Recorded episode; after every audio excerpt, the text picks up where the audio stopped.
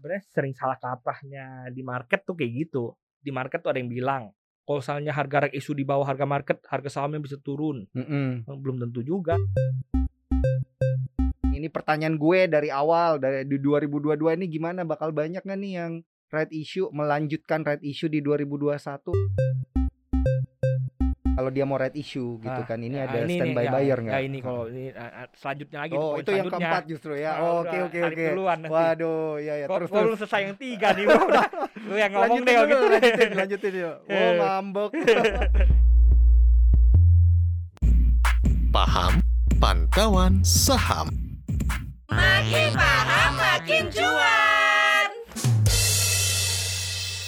Halo sobat cuan, ketemu lagi bareng gua Daniel Wiguna dan Gua Tri Putra dari tim riset CNBC Indonesia. seperti biasa segmen kita adalah paham pantauan saham. Semakin paham semakin Cuan. cuan, dan akan semakin cuan di tahun 2022 ini ya Bro Putra ya. Karena hari ini kita akan membahas tentang strategi pilih-pilih saham right issue gitu ya. Kalau kita lihat reviewnya di 2021 kemarin ini kan ya Bro Putra ya banyak emiten-emiten ya yang geraknya itu jadi super liar banget gitu ya karena melakukan right issue dari bank-bank digital entah itu saham teknologi dan lain sebagainya lah pokoknya mereka yang melakukan right issue yang udah pernah kita bahas juga ya bahwa right issue itu adalah IPO kedua untuk emiten tersebut itu memang jadinya dia bergerak liar gitu. Nah di 2022 ini kalau lu lihat reviewnya akan seperti apa? Banyak nggak yang bakal right issue nih?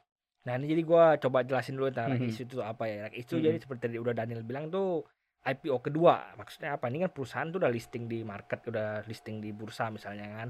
Tapi dia butuh dana lagi misalnya karena ada A, B, C mau ekspansi atau lain sebagainya. Dia butuh dana lagi.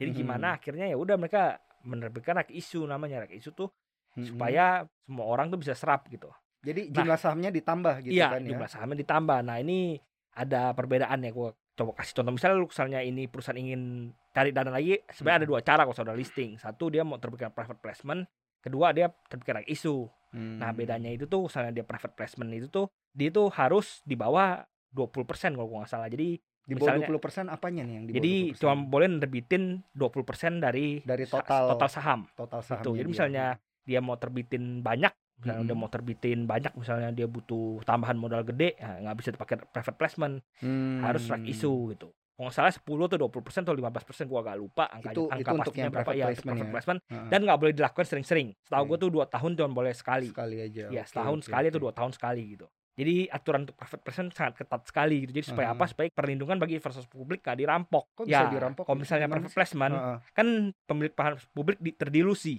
Iya, oh kepemilikannya berapa iya, persen dia nggak itu dia menurun iya gitu benar ya? dia nggak punya opsi buat nambah juga misalnya Oh, emitennya private placement di harga murah rugi dong itu Iya, ya iya, iya, iya, publiknya iya, iya, gitu. iya, Jadi, benar, benar, benar, private benar. placement dipersulit biasanya oleh regulator gitu Iya, iya, iya. Nah, ini ilustrasinya misalnya kalau ada satu emiten yang dia private placement eh, misalnya harga sahamnya 1000 terus tiba-tiba dia private placement di harga 100. sebenarnya bukan ma- Gitu ya? masalah harga sahamnya sih bro Ha-ha. biasanya lihat lebih lihatnya ke nilai Jumlahnya. bukunya nilai bukunya Oh, nilai total bukunya justru. ekuitasnya Heeh, asetnya berapa gitu gitu heeh. biasanya yang diperhatiin yang penting itu gitu Iya, iya, iya. Eh, Tapi benar juga sih ya kalau di private placementin berarti gua sebagai eh, investor publik kan tidak memiliki hak untuk membeli murah kan iya berarti iya, kan. iya, benar Makanya dibatasin 20% aja. Iya. Nah, tapi kalau tidak private placement, berapa persen bolehnya? kalau orang isu bebas bro udah mau Mm-mm. terbitin 200 persen Oh, bisa lebih banyak bisa daripada lebih saham iya yang kan sering banget kan tergantung Heeh. jumlah jumlah rak isu misalnya satu saham lama mendapatkan 10 saham baru berarti 10 Heeh. kali lipat dong nanti Iya, iya, jumlahnya iya, iya, beredar iya. gitu Oh, itu dia rasionya Iya, ya rasionya jadi ya. bebas dia mau 10 persen, apa 10, Heeh. 50 persen, 100 persen, 200 persen, 300 persen Heeh. bebas. tergantung dari butuh dananya Iya, berapa benar, gitu. gitu. Nah, ini hitung-hitungannya gimana sih? Karena kan ada beberapa waktu lalu yang lumayan sering red issue yang gue denger itu kan ada Arto tuh ya. Habis red issue dia stock split dan lain sebagainya Dia gitu kan. Ini kan stock split, Bro. eh, oh belum stock split. Berarti dia Arto udah red issue doang udah red selama issue. ini. Nah, jadi ini orang tuh sempat Heeh. bingung kayak gini nih. Orang kira Arto stock split karena harganya turun Iya, kan. padahal Padahal, itu, itu bukan turun, itu harga issue. teoritis saham Oh, namanya oke, gitu. Jadi oke, ini agak membingungkan nanti gue coba jelasin. Harga teoritis saham tuh misal harganya sahamnya sekarang di di market harga sepuluh ribu. Heeh, Dia rek isu satu banding satu di seribu misalnya contohnya. heeh. Karena satu banding satu, jadi harganya bakal sepuluh Iya, ribu itu bakal satu- turun. Satu banding satu berarti kalau gue punya satu lembar, gue berhak Nah, membeli satu. Iya benar. Jadi iya. misalnya yang terjadi kayak itu sepuluh ribu karena satu banding satu jadi sepuluh ribu tambah seribu Mm-mm. bagi dua. Hmm, Jadi nanti harga teoritisnya lima 5.500. ribu lima ratus Heeh. gitu. Oh gitu cara hitung harga teoritisnya. Nah ini kan eh, kayak yang tadi gue bilang ya, kayak misalnya kemarin itu Arto dia red issue, pernah red issue beberapa tahun kemudian bener kata lu dia red issue lagi di Iya. 2021 kemarin kan. Dan red issue-nya tuh kok jauh banget bisa harganya bro dari harga harga marketnya. Harga marketnya udah 10.000 kalau gua nggak salah ya di Hmm. tahun lalu 10.000 apa 11.000 tapi dia harga red issue-nya itu 400 perak. Nah ini menariknya Bingung. seperti tadi gue Heeh. bilang lagi ya ini sebenarnya tuh harga rek isu tuh bukannya tergantung harga- Hmm. dari harga pasar kan Hmm. tadi seperti Dan bilang bukan 400 kalau nggak salah gua di seribuan atau dua ribuan ya rek isunya Mm-mm. rek isu pertama tuh seratusan ya kalau nggak salah Iya, rek iya, isu kedua iya. tuh seribu nah, atau itu dua ribuan maksudnya harganya Agak jauh ya, agak iya, jauh. jauh banget. ini ini menariknya tuh orang tuh suka salah kaprahnya gini Mm-mm. nih ini oh harganya harga market sekarang segini isunya segini beda jauh ya gitu sebenarnya tuh bukan yang penting itu tuh biasanya regulator tuh perhatiin tuh bukan dari harga market tapi Hmm. misalnya nilai bukunya atau ekuitasnya gitu Oh, Oke oke. dan ini oke, dan ju- apa biasanya juga misalnya lu rek isunya beda jauh gitu itu Hmm. ditanya sama regulator ini, ini lu mau ngapain rek isu gede gini lu mau Hmm. nipu investor oh enggak pak misalnya sih udah ada yang nyerap udah ada standby buyer oh Hmm. si ini ini ini oh, udah baru ada yang nyerap gitu atau memang harga fundamentalnya tuh segitu gitu. Itu bisa Enggak jadi juga, alasan enggak juga. ya? Mereka kan Oh. nambahin ini modal. Contohnya lah sebelum rek isu Harto kan nilai buku cuma 70 apa 80 Iya, iya. kan. Ha, Habis 70 rek isu di 2000 nilai bukunya kan naik Iya. jadi 400-an ha-ha. gitu. Dan jadi ini tetap emang- iya. diakumulasi. Ya, dan memang karena mereka ini jadinya mau mau ningkatin modal gitu. Oh. Jadi ini oke. menariknya gitu. Nah, ini sebenarnya sering salah kaprahnya di market tuh kayak gitu. Di market tuh ada yang bilang kalau misalnya harga rek isu di bawah harga market, harga sahamnya bisa turun. Mm-mm. Belum tentu juga. Iya, jadi kan akan turun ke harga teoritisnya dia, harga fundamentalnya dia enggak, berapa enggak, gitu. enggak, enggak, enggak, enggak gitu. Lu kayak Arto. kayak kemarin nih ya ada di akhir tahun kemarin ada BBKP no kan Hmm. tiba-tiba dia eh, red issue Hmm. gitu kan katanya red issue-nya di harga berapa ya 200 Hmm. berapa gitu kan 200 turun. perak Heeh. terus turun tapi emang sih nggak sampai di 200 Nah, gitu nah ini sekarang menarik harganya ini. 300 Arto 400. isu di bawah kenapa naik? Justru BBHI rek isu di bawah kenapa naik? future value kali Enggak, ya enggak ada Bro. hubungannya Bukan. future value bukan itu. Sebenarnya cara melihatnya ini Heeh. orang-orang salah kaprah. BBKP iya rek isu di bawah harganya Iya. turun. Heeh. Maya, Bang Bang Maya Maya Pada. Iya, Heeh. rek isu di bawah harganya turun. Heeh. Tapi ada yang naik juga. Sebenarnya yang bedain tuh bukan itu. apa dong Yang bedain tuh dia rek isu di atas atau di bawah nilai bukunya. di atas atau di bawah Nah. nilai buku nah Iya. cara taunya gimana Ya tuh? tinggal lihat aja bro nilai ekuitasnya berapa tinggal dibagi sama jumlah sahamnya dapat. Kalau lihat Mm-mm. BBHI itu nilai bukunya kenapa gua kenapa terjadi bisa mengaruhi market yang tadi Iya. gua ngomongin tuh contohnya paling gampang. Dari Heeh. gua bilang Arto. Iya. Tadinya 100, naiknya jadi 500. nah Kalau nilai buku naik kan PBV-nya makin turun. PBV Iya. makin turun harga sama makin murah. iya Makin murah orang makin borong. Heeh. Bener nggak? iya iya Jadi itu yang menyebabkan sama kayak BBHI. Dia rek isu di rek isu Oh. juga di atas kan. Oke. Jadinya dia Pasti value-nya akan ada turun dikit gitu ya. enggak kalau rek kalau rek isunya di kalau rek isu di atas harga nilai buku, Heeh, nilai bukunya naik dong heeh. gitu. Ya Ngerti jadi makin maksud? mahal. Iya, Heeh. iya jadi makin murah dong. Kalau harga bukunya naik. Kalau nilai kalau Ni- nilai, oh iya nilai book bukunya naik. value-nya naik, Iya iya iya iya. harga iya. saham makin murah. Heeh, harga sahamnya Gitu. makin murah. Heeh. Ya, Karena contohnya kayak BBHI juga kecil, ya. sebelum dulunya 70-an, lalu dia rek isu di 100-an, Mm-mm. naik book Mm-mm. value-nya orang borong. Iya, Lu iya, coba iya, lihat iya, BBKP, iya, iya. book Benar, value-nya benar, berapa? benar, Book value-nya di di bawah. Dia rek Hmm. isu di bawah, nilai bukunya turun. Nilai Oh. bukunya turun, harga saham makin mahal, harga saham makin mahal orang lepas. Iya benar. Maya benar, juga yang benar, terjadi benar, kayak benar, gitu. benar. Dia rek isu di bawah, di bawah Heeh. nilai buku. Jadi orang pada buang gitu. Iya sih. Jadi eh, otomatis setelah dihitung-hitung investor ini melihat ya kayaknya kalau nilai bukunya jadi segini, harga saham segini Iya, kemahalan benar gitu ya. gitu. Jadi mending dilepas Iya, dulu. benar. Jadi yang Oke. pengaruhin harga setelah rek isu tuh harga rek isu itu di atas atau di bawah nilai buku, bukan Oke. di atas atau di bawah harga market sekarang. Nah gitu. ini ya, ini balik lagi nih kita berarti harus kasih tahu garis bawahi untuk para Ini, ini sobat garis cuan. besarnya doang ya, Ah, nggak semuanya ah. sama kayak gini ya. Cuman Iya, iya, iya, biasanya iya, yang terjadi iya. kalau misalnya dia rek isu di atas nilai buku, harga sahamnya naik Ah, gitu. ah, iya iya iya. Kalau dia issue nggak, di saham- bawah saham nilai kan buku bisa turun. iya. Apa fleksibel ya nggak nggak harus kayak gitu Iya, terjadi tapi iya. yang terjadi secara Ah, garis besar kayak gitu Heeh, tapi logis sih karena emang kan kita kalau ngelihat aplikasi gitu ya pakai RTI atau apa kita ngelihat PBV, per apa ini kok harganya segini ini kemahalan lepas gitu kan makanya Atau dulu koleksi. Arto itu kan PBV-nya sampai 100 kali kan iya sepuluh ribu Mm-mm. PBV 80 90 100 kali sekarang udah nggak 100 kali lagi udah tinggal Mm. 20 kali iya iya iya iya gitu. iya iya ya nggak 20 berapa sih? 30-an lah. Pokoknya udah udah lebih lebih baik lah daripada sebelumnya gitu. Hmm, hmm, ya ini hmm. orang-orang yang sudah beli di 100 ini yang udah tahu oh ini kemungkinan besar bakal naik isu lagi kenapa? Hmm, kan nggak nggak cukup 2 T harus lebih dari 2 T kan aturan Iya. OJK jadi mereka udah memandangnya lebih jauh. Jadi mereka berani beli waktu PBV-nya 100 gitu karena mereka udah tahu ini Hmm. bakal injek dana lagi nih gitu Iya iya iya iya. Nah, itulah warna-warni red issue di 2021 ya. Nah, terus kalau kita ngelihat di tahun 2022 ini gimana ini, Bro? Untuk red issue akan banyak lagi nggak? Karena kan yang udah red issue 2021 nggak boleh di 2022 udah nggak Hmm. Enggak bisa. bro bisa bro Bisa. Jadi Lu setahun sekali iya, bisa. iya setahun dua kali aja bisa setahun, Setahun lima kali, juga kali. bi- boleh kalau Kalau- di Kalau yang dilarang. dua tahun dua tahun itu sekali private placement bro Oh, via private Iya. placement ya. Jadi kalau red issue-nya ini eh, untuk market secara general tiap tahun Tiap boleh tahun gitu boleh. ya. Oke, oke. itu a- agro kan dulu track isu mulu tiap tahun Iya, iya, iya. iya, 17, iya. 16, Ngumpulin 18, dana. 19 iya. Heeh. Nah ini la- Heeh. lanjut lagi ya. Iya, iya. Kriteria yang oke buat rek isu tadi gue udah bilang sebut satu. Dia Iya. rek isu di atas nilai buku. Oke. Kedua dia rek isunya buat apa? Mm-mm. Ini penting juga kan. Tujuannya ya. Sebenarnya ini lo harus perhatiin kalau misalnya lu mainnya long term lo harus lebih perhatiin ini. Kalau lu mainnya short term Heeh. lo perhatiin yang pertama tadi kan. Heeh, Rek heeh. isunya di mana gitu. Iya, atas iya, atau di bawah dulu. iya. Tapi kalau selalu main long term lo lihat duitnya berapa? Oh. Kan banyak yang buat buat bayar utang atau nggak jelas nggak jelas malah ada yang buat itu afiliasi ya itu parah Iya, banget iya, kan. iya, iya, iya. Uang uang hasil isu dimasukin kantong owner ah parah banget. Iya, benar. Jadi harus dilihat juga Heeh, ini dia rek isu buat apa heeh. gitu. Tujuannya. Apakah buat ekspansi ya? Kalau ada ekspansi buat Ada suntikan sih, modal ada kan nggak bagus sih gitu. yang yang red issue tapi tujuannya buat bayar hutang sama ada kayak bro, IPO? Oh, ada bro, banyak Iya, bro. iya, iya. Oh, Oke, oke, oke, oke. Justru Ada yang udah nggak ada duit lagi buat operasi, terus dia mau rek isu juga ada nih. Oh, apa itu? Nggak usah disebut lah. Oh, iya iya iya itulah ya nanti cari aja di cnbcindonesia.com pasti ada yang nulis lah terus terus jadi Ya, gimana Ya cara itu, makanya gue bilang harus dilihat ini rek isunya itu buat apa? Buat Tujuannya, ekspansi, ah, ah. misalnya oh mau bikin pabrik baru, oh atau mau penambahan modal biar bisa memberikan kredit lebih, misalnya buat Mm-mm. bank kayak gitu kan model-modelnya. hmm, Oke, bagus. fine hmm. gitu. Tapi misalnya yang udah nggak jelas rek isunya buat bayar utang lah, buat inilah, buat itulah. Nah, ini udah tanda tanya. Oke oke oke. Nah. Berarti ini udah dua nih tipnya nih kan. Har- harga bukunya Hmm. eh, red issue-nya di atas atau di bawah. Hmm. Habis itu yang kedua ini buat apa? tujuannya buat Nah. apa? Yang ketiga Nih ada yang menarik lagi nih. Nah. Pertanyaan ini inbrank atau bukan? inbrand apa bukan? Iya. Maksudnya gimana tuh inbrand apa bukan? Ya ini gua jelasin dulu inbrank tuh Mm-mm. apa. Inbrank tuh misalnya lu mau rek isu, tapi Heeh. lu nggak suntik pakai duit. Lu Pakai suntik pakai barang juga bisa. Oh, kasihnya barter dong Iya, ini kayak Enggak dong. Kok barter? tukeran barang gitu. Enggak, lu lu lu suntik sun, lu nggak suntik uang, lu suntik pakai Ah. barang, pakai aset, pakai modal, Oh, pakai itu, pakai oke. perusahaan gitu.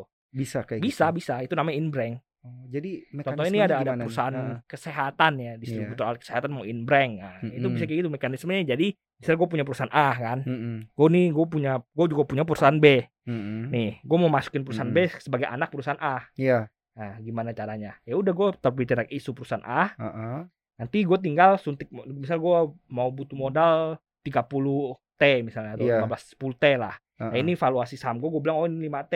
Mm-mm. Nah, ya udah gue masukin di sini 5 T dalam bentuk barang. dalam bentuk barang perusahaan aset. Oh, tapi dia dikasih saham. Iya, gue gue menerima saham perusahaan Iya, ini dong ah, sebagai ah, bagian kan ah. gitu. Oke. Nanti sisanya misalnya setengahnya lagi ditebus sama publik. Kalau publik nggak mau tebus, Oh, terdilusi Iya, iya. gitu. Ini baru-baru ini kan ada imbreng gede bro apa bro? Oh, kalau Alkes kok kedengerannya Enggak, kayak ini baru-baru ini ada- Noraya. Enggak. ini baru-baru ini kan ada imbreng yang super Iya. besar kan apa ya? Heeh. Apa tuh? BSI bro itu kan imbreng. Oh, itu inbreng. Itu inbreng, bro. Oke, Bank Syariah Indonesia. Iya itu imbreng. Oke. Jadi gimana? bukan BSI salah ngomong gua apa? Ah. Kalau BSI kan merger. Heeh. Kalau imbreng itu BRI-nya salah. BRI-nya yang BRI-nya inbreng. inbreng, Ya gitu. gimana sih? Kan pemerintah mau nambah mau mau mau, mau gabungin ini apa anaknya ini apa Mm-mm. sih? Bank Bank Syariah. Bukan bukan Bank Syariah, BRI-nya. BRI Ah. punya apa Oh, PNM, Nah, sama PNM sama Pegadaian. Pegadaian, kan mau Iya, dimasukin iya, ke bawah iya, BRI kan. Iya. ya udah mereka rek isu. Heeh. Rek isu pemerintah nyetor modal dalam bentuk PNM dan Pegadaian. Oh, Gitu. gitu. Disuntik ke dalam ke dalam, sisanya market Heeh, publik. heeh, Karena kan nggak mungkin dong kalau gua suntik doang nggak nggak itu rugi dong gua gitu. Iya, iya, iya, iya. Nah, kalau Kalau private placement juga kegedean kan kalau saya Heeh. imbreng gini ya udah market suntik uang terserap semua terbang itunya value-nya naik gitu value-nya. Iya. Nah, jadi kalau dia inbrand apa jeleknya, apa bagusnya Nah, nih untuk para investor? harus diperhatikan kalau Ah, inbrand ah. ini Bener-bener bersih nggak ini Oke. bersih nggak soalnya banyak kejadian lu inbrandin barang satu satu triliun Mm-mm. lu valuasi 10 triliun 20 triliun lu inbrandin barang satu 100 miliar misalnya asetnya cuma 100 Mm-mm. miliar ekuitasnya 100 miliar lu inbrand seharga 2 triliun kadang-kadang gelo-gelo kayak gitu mainnya kok, kok bisa gitu? Emang ya suka-suka aja gitu. ya suka-suka gue bilang oh ini oh ini gue punya perusahaan A ini gue valuasi 20 ini kan nah, perusahaan A ini kan yang publik kan perusahaan B yang nggak publik kan Iya. Ini gue punya perusahaan B gue bilang valuasinya 200 miliar siapa yang mau ngelawan Oke. gitu. siapa yang oke, bilang enggak oke, ini oke. bukan 200 miliar ini 10 miliar enggak kayak gitu apalagi misalnya lu udah tinggal misalnya lu pengen Lah kan nanti itu harus tetap diaudit kan? iya bukan di audit biasanya ada Ya auditor bukan auditor bro value-nya bukan kan? bukan bukan auditor apa, apa namanya buat valuasi valuatornya Mm-mm, gitu mm-mm. nanti itu kan gampang itu bisa diselip-selipin lah istilahnya kan tapi emang emang banyak kejadian kayak gitu Oke, nggak oke, nggak ada yang oke, ngomong audit oke. kalau lu ngomong audit juga lu mau ngomong apa Mm-mm. ekuitasnya 2 m tapi valuasinya kan belum tentu 2 m Heeh. misalnya kayak gitu 20 m belum tentu 20 m Hmm. misalnya lu bilang oh ini karena perusahaannya bagus Iya. valuasinya 10 kali lipat daripada nilai buku lu mau ngomong apa Hmm. Nah. Eh, tapi itu harus berdasarkan si valuator itu kan? enggak juga sebenarnya itu cuman kasih wajar atau enggak doang biasanya gitu Oh, Oke oke oke oke. lu bisa aja Siap. bisa aja lu tulis valuasi 20 kali nilai buku lu Bisa aja. 30 kali nilai buku lu bisa aja nggak ada yang Nah. ngelarang gitu Sering kejadian gak sih? ya sering banget kayak itu gitu? bro Sering praktek kayak gitu sering banget apalagi 2018 19 dulu ya Heeh. ketika masih belum rame retail Heeh. sampai sekarang tuh banyak banget kejadian kayak gitu benar-benar imbreng barangnya bodong Heeh. valuasinya mahal Dan sisanya dibeli sama publik. sisanya biasanya nggak dibeli sama publik jadi publik dilusi aja Oh, hilang eh bukan hilang sih, semakin, Iya, semakin turun kecil. proporsinya ya. iya supaya apa biasanya supaya mereka dapat barang dapat barang Oh. gede bisa ngontrol market lagi gitu Iya iya iya iya. Waduh, mengerikan juga ya. Biasa kejadian di saham gorengan, apa Gorengan sa- biasanya, big saham. caps. ya saham saham si om biasanya itu Oh. ada main-main gitu dulu Om siapa? om lu om lu Itulah ya sobat cuan ya. Oke oke. Jadi eh kalau kita lihat nih kan udah ada tiga dia inbrand apa enggak? Berarti kalau dia inbrand ini mendingan kita nggak ikut campur. enggak juga Atau kalau gimana? kayak BRI kan sukses Hmm, Lu ya berarti kalau dia valuasinya make sense nggak gitu aja ah, kalau balik lagi ke yang pertama iya ya valuasi valuasinya BRI kan sebenarnya make sense Iya, satu iya, kali iya. 1,7 apa 1,6 Iya iya iya. PNM iya, iya. Pegadaian total 2 itu divaluasi 1,6 1,7 ya make sense lah Iya iya iya. iya. pegadaian gede gitu Tapi enggak valuasi maksudnya 1,6, kayak supaya 1,7 sobat ya cuan oke. ya supaya sobat cuan tahu nih ya kalau dia inbrand dan dia bukan BUMN dan dia bukan big caps. Gimana? Enggak ada tuh? hubungannya lu lihat aja valuasi Balik lagi ke valuasi inbrengnya Iya, kali valuasi aja bodong yang kayak lu Enggak seperti misalnya lu pemerintah pemerintah lu valuasi apa dikasih harga mahal-mahal PNM Pegadaian divaluasi 5 kali atau 10 kali pasti berantakan juga nanti Ah, isunya gitu Iya, iya, tapi iya, karena iya. Paham, ini paham, paham. dikasih harga wajar gitu nggak nggak murah nggak mahal wajar lah Mm-mm. makanya sukses Iya, iya, gitu. iya, iya, ini di non sama iya bener sih tadi yang lu bilang dia udah punya standby buyer apa belum gitu Hmm, kan. karena enggak. kan itu nanti yang akan menentukan enggak juga. misalnya inbreng nggak ada nggak ada standby bayar standby Mm-mm. bayar lagi. Enggak kalau dia mau right issue gitu Ah, kan. Ini ya, ada ini nih, standby ya, buyer ya enggak ini kalau ini ah, ah, selanjutnya lagi oh itu yang keempat justru ya? Ah, oh, oke oke oke. waduh ya ya terus kok lu terus. selesai yang tiga nih bro? Udah lu yang ngomong lanjutin deh gitu lanjutin lanjutin yuk. Oh Eh. ngambek. Yang ketiga Jadi yang ketiga ini ya Ah, tadi gue bilang itu Iya. ini lu lu harus perhatiin sebenarnya pentingnya valuasinya kalau inbreng lu ada valuasi barang yang di inbreng ini make sense nggak wajar nggak masuk akal nggak iya iya kalau iya, agak iya. gelo-gelo mending lu nggak usah ikut nggak usah Oke. ikut beli sahamnya malah gitu iya iya siap udah siap. nontonin aja kalau terbang ya lu nontonin gitu karena ini emang udah udah nggak beres seperti Ah, ah. istilahnya kan Iya, iya. Oke, oke. Berarti kalau dia inbrand lihat valuasinya seperti apa gitu Iya. kan. Oke, ini udah boleh masuk belum yang Nah, keempat nih? nomor Nanti- empat lo jelasin deh ini Nanti lu tersinggung lagi ya. Jadi eh, yang keempat tadi kan masalah standby buyer gitu ya, Bro ya. Apakah sudah ada standby buyernya? Apakah Iya. dia investor asing atau domestik itu ngaruh nggak sih? ya ngaruh biasanya ini Mm-mm. jadi biasanya nomor empat tuh ada ada isu tuh ada yang standby ada yang punya standby buyer ada yang nggak punya standby buyer Hmm. gitu biasanya kalau nggak ada standby buyer kemungkinan gagalnya lebih tinggi Kemu- kalau nggak ada iya Nggak berarti ada nggak ada standby yang nahan gini standby buyer tuh enggak gitu. standby buyer ini caranya tuh gini ini misalnya gue rek isu satu triliun Ya. kan gue sangat perlu uang satu triliun Hmm. jadi apa pun terjadi harus kumpul satu triliun Mm-mm. misalnya gue ada standby buyer misal publik cuma nyerap dua dua dua ratus miliar Iya. gue ada standby buyer yang nyerap 800 miliar gue standby bayarnya Gitu. Hmm, oke Jadi oke oke. apa pun terjadi keserap satu triliun. Oh. Nah banyak kayak isu yang nggak ada standby bayarnya. Misalnya dia standby bayar satu satu triliun, nggak ada standby bayar. Apa dia ada isu satu triliun nggak ada standby bayar. Publik cuma mampu nyerap 100, Hmm, owner cuma nyerap 200, hmm. ada 700 yang kagak ada yang mau nyerap. Akhirnya nggak kumpul satu triliun, cuma kumpul 300 miliar Hmm. gitu. Nah, itu Akhirnya gagal apa di, dikatakan gagal rek isunya Oh. gitu karena gagal ngumpulin total satu triliun itu. Nah, itu yang pengen gue tanyain. Kalau dia eh, gagal karena tidak ada standby buyer itu masih banyak dana yang belum terserap, itu Hmm. berarti red issue-nya benar-benar bakal udah gitu, bubar. Nggak bubar, dia terjadi juga tapi cuma dapat 300 miliar. Oh. Jadi tadi misalnya tadi bangun pabrik satu miliar, cuma dapat 300 miliar pabrik lu kagak jadi kan? Iya, Nah, iya, iya. Atau itu mau- berarti akan ngaruh dong ke valuasinya apanya gitu-gitu. ya Iya nggak sih? ngaruh ke operasinya sih. Misalnya lu tadi udah Oh. butuh uang satu miliar, kagak Heeh. jadi dapat satu miliar, Kalau 100 miliar jadi dapat 100 miliar cuma dapat sedikit doang ya kan? Mm-mm. Ngaruh juga pasti kan ke operasi perusahaan tersebut gitu. Hmm, oke oke oke oke. Jadi pemegang saham existingnya gimana? Rugi atau Ya gimana? nggak tuh? rugi juga, B, B aja sebenarnya. Yang Hmm. rugi ya kalau sahamnya turun juga memang pemegang saham existing mau jualan kan nggak yang rugi ya publik retail. Hmm, terdilusi itu lagi. Bukan yang terdilusi sahamnya turun Oke. karena konotasi buruk terhadap saham itu kan oh ini isunya gagal nih cuma keserap Iya segini iya segini iya, gitu. iya. Gak ada standby buyer nih, gak ada yang mau beli nih. Iya, pasti iya, ada iya. bla bla bla bla Iya, gitu. benar. Jatuh akhirnya. Pernah kejadian gak itu? Kemarin baru kan Wah, sama saham yang mana? MNC, ya. Oh, BABP, BABP. BABP. Oh, pantesan drop ya kemarin Makanya, itu harganya ya. Bank Kapital ya. juga kan mau mau rek isu kagak ada standby buyer, harganya drop, drop Oh. gila-gilaan. Tapi kalau nanti dia udah dapet eh, standby buyer, Nge, dia udah terbikin prospektus, ya, bilang kagak ada standby ya, jadi gak bakal terbang dong. Ya nanti kan mau rek isu lagi. Oh Siapa iya, tahu iya, nih iya. BABP Nanti berarti kan ya. tahun depan rek isu lagi nggak mungkin nggak mungkin nggak mungkin stop di sini gitu. Iya iya iya iya iya iya. Berarti dinantikan aja ya tanggal-tanggal keramatnya. Tunggu tanggal mainnya. Iyo, iya. Kata direktur ya Kapital itu ditunggu ditunggu nggak Iya. datang datang malah Soalnya emang emang dinantikan sih ya dari awal 2021 itu ya eh, mulai dari bank digital lah peraturan OJK harus 3 triliun lah apalah dan lain sebagainya. Nah, udah empat doang nih. Udah empat doang. Empat doang nggak ada yang lagi kelima. nggak? lima. yang kelima itu eh, ditulis nggak di cnbcindonesia.com ya? Pasti Yang kelima ditulis ya. hoki-hokian ya. ya hoki-hokian gitu ya. Nah, Sobat Cuan, kita eh, harus ngelihat nih di 2022 ini. Ini pertanyaan gue dari awal dari di 2022 ini gimana bakal banyak nggak nih yang right issue melanjutkan right issue di 2021 atau seperti Nah apa ini gitu? bank digital nih, Mm-mm. bank-bank kecil ya bukan bank digital, bank mini bakal Mm-mm. rek isu lagi. Karena masih Mm. banyak yang 2 T.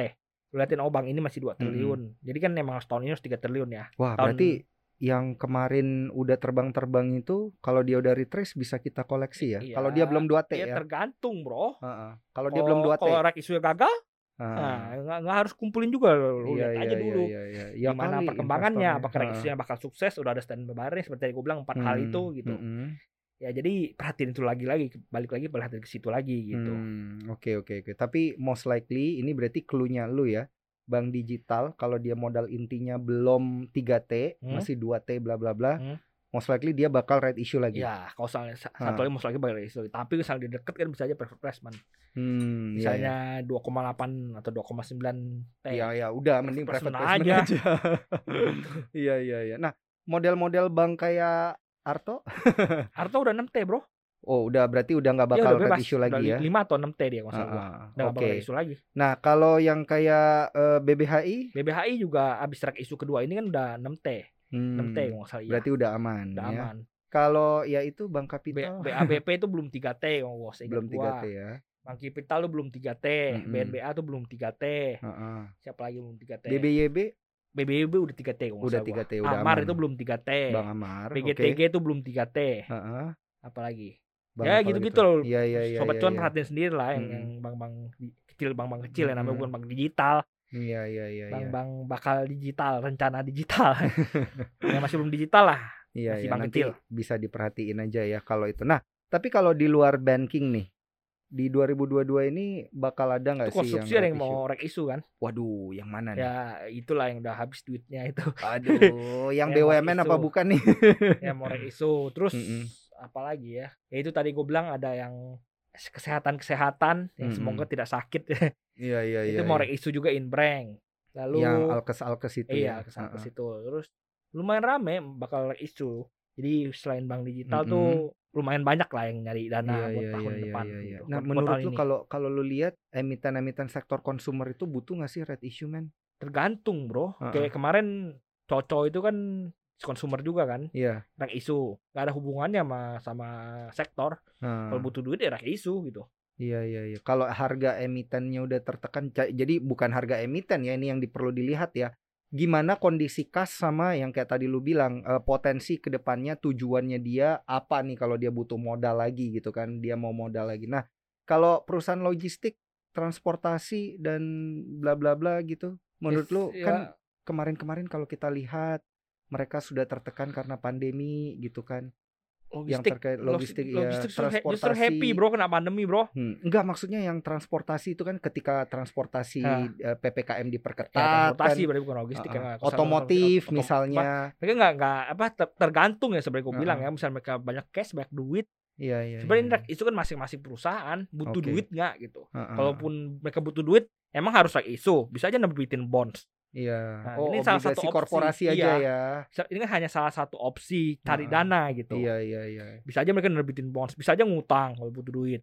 Banyak cara bisa aja private placement gitu. iya iya iya. Banyak tapi cara buat cari duit gitu. Iya, tapi red issue ini kan eh, akan menghilangkan kewajiban dia membayar membayar persenan itu kan. Kalau dia ngutang kan dia harus bayar Ya, persenan gitu ya kan. bisa aja dia gua koselnya dia mau ngutang dia nggak mau saham dia terdulusi nah, Hmm, gitu bisa bayar utang pakai saham gitu enggak maksudnya. ya maksudnya kalau lu rek isu kan artinya kepemilikan saham lu kan kurang kan Mm, mm, mm.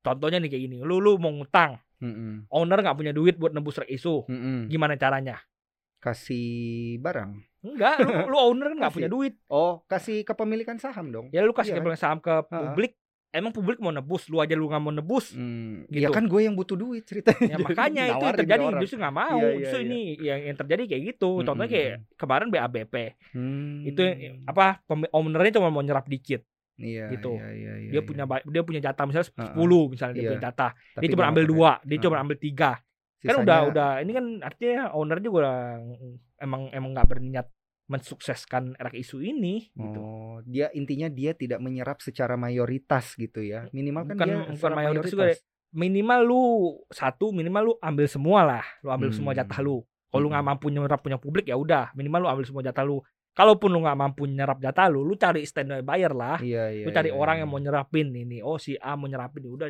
jadi akhirnya A jadi standby buyer ya gitu Iya, kalau iya, misalnya iya. lu setengah hati rek isu oh gua rek isu kayak gini gua nggak Hmm. mau keluarin uang full gua nggak Iya. ada uang misalnya atau enggak Iya. ya yang terjadi ya market juga nggak mau nyerap Hmm. gitu emang Oke, ya, oke. market juga nggak bego lah kayak gitu Mm-mm. Oke, oke. akhirnya nggak dapat duit gitu malah pusing Mhm. harga sahamnya turun gitu Mm-mm. Oke deh, kalau gitu ini eh, sisa beberapa 1-2 menit terakhir nih gue pengen tanya ke lu cara screening saham-saham red issue yang paling gampang gimana sih? tadi udah empat udah biji empat itu, itu. aja, Iya. empat itu aja. Tapi kalau udah ada beberapa pilihannya, kita pilihlah yang apa nih? Rasionya paling tinggi atau gimana nih?